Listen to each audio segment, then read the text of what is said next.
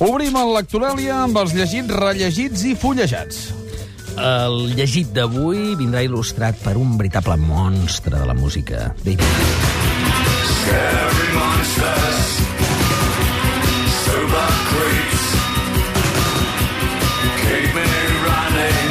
Aquest eh, apocalíptic Bowie, que, que il·lustra? Ens il·lustra un llibre eh, extraordinari, he de dir. També t'he de dir que a mi m'agrada especialment el tema. Es diu Criptozoologia, cazadores de monstruos.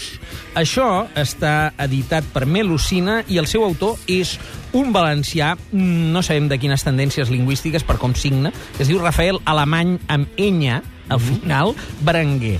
Tanmateix, més enllà d'aquesta anècdota de la enya, és un extraordinari compendi sobre la criptozoologia. Què és la criptozoologia? A veure, és una disciplina científica, però molt esotèrica, que tracta de totes aquelles espècies animals que no estan tipificades perquè no han estat conegudes. Què vol dir això? Que tornem a tenir el Messi al cap, perquè és el Nessi, eh, del, el mític Nessi de, del, del monstre del llac Ness, però també homínids, que si el Yeti, que si els Bigfoot... És a dir, evidentment, aquí hi ha molta llegenda.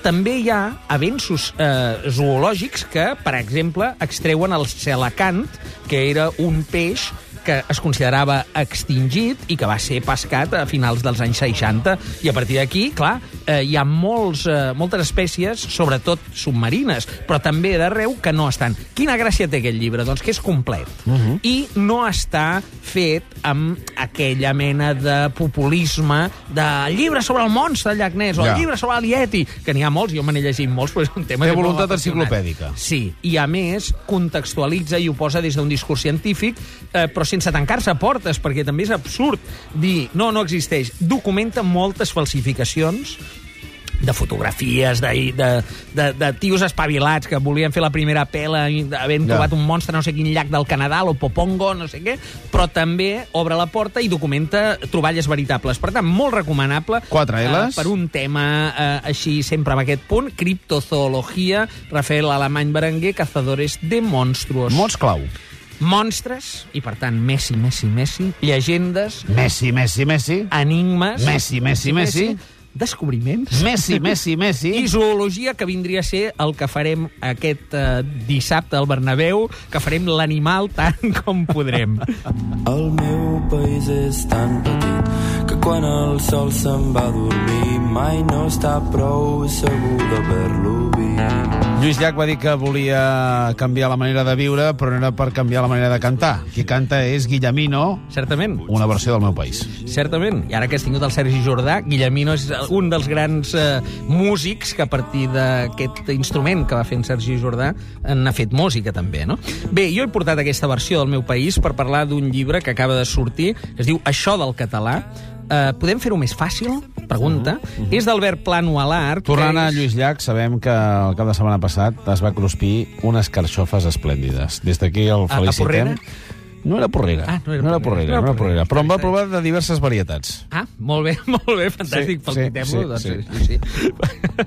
molt bé, uh, amb carxofa o sense, diguem, això del català és un assaig, és un llibre doble. El Plano a l'Art és el, em, diguem, responsable lingüístic del diari Avui des de fa 25 anys. Vol dir que té experiència, no? És algú que mm, té una ment oberta en el sentit que no li agrada arrenglarar-se, i això es veu en aquest llibre, en cap eh, capelleta, per entendre'ns, lingüística. Uh -huh. eh, ha saltat darrerament, tot i que fa molts anys que fa articles, a un gran públic perquè des d'aquest estiu va començar a publicar una cosa, una columna que es, deia, la, que es diu Les Terrassetes, no? on, eh, diguem, parla dels clàssics equívocs o que hem de fer servir un per un o un per un, no? Eh, en fi, tot un seguit de coses amb gran amenitat.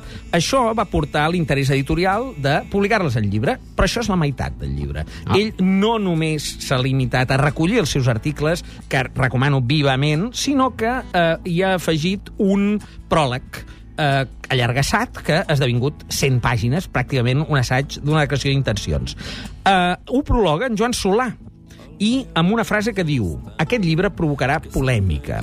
Té molt de mèrit que en Joan Solà eh, prologui aquest llibre, perquè en aquest llibre es critica d'una manera raonada Coses que potser defensen Solà. eh, es critica d'una manera raonada i contundent l'Institut d'Estudis Catalans, secció filològica de la qual en Joan Solà és vicepresident. Clar. I, per tant, té, eh, té- gràcia, diguem, però no, no per morbo, eh, sinó per la autocrítica que això implica. Eh, val a dir que després hi ha algunes propostes polèmiques, que és per això que es diu, com per exemple que defensa en plan l'art que hem de tornar a acceptar, perquè no és una interferència, sinó que ja era viu des del segle XVI, el l'u. L'u.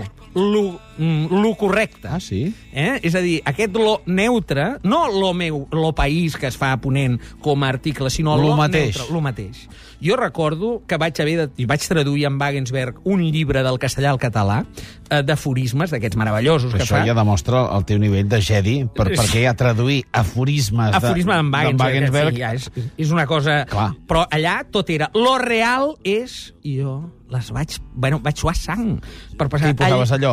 Però allò, allò real i- i- era fatal. El que és real, Sí. eh, tot s'allargassava molt, etc. I pensaves, carai, és clar, aquest l'u... Que, di, di això, eh? L'u correcte. Ai, sembla que grinyoli tot, ara es caurà l'edifici. Molt bé, a veure, en plano, l'art aquest és un de les que posa al damunt, com d'altres més consolidades, com el Per Parà, que ja en Joan Solà li va donar un pas davant de verb de fer sempre per...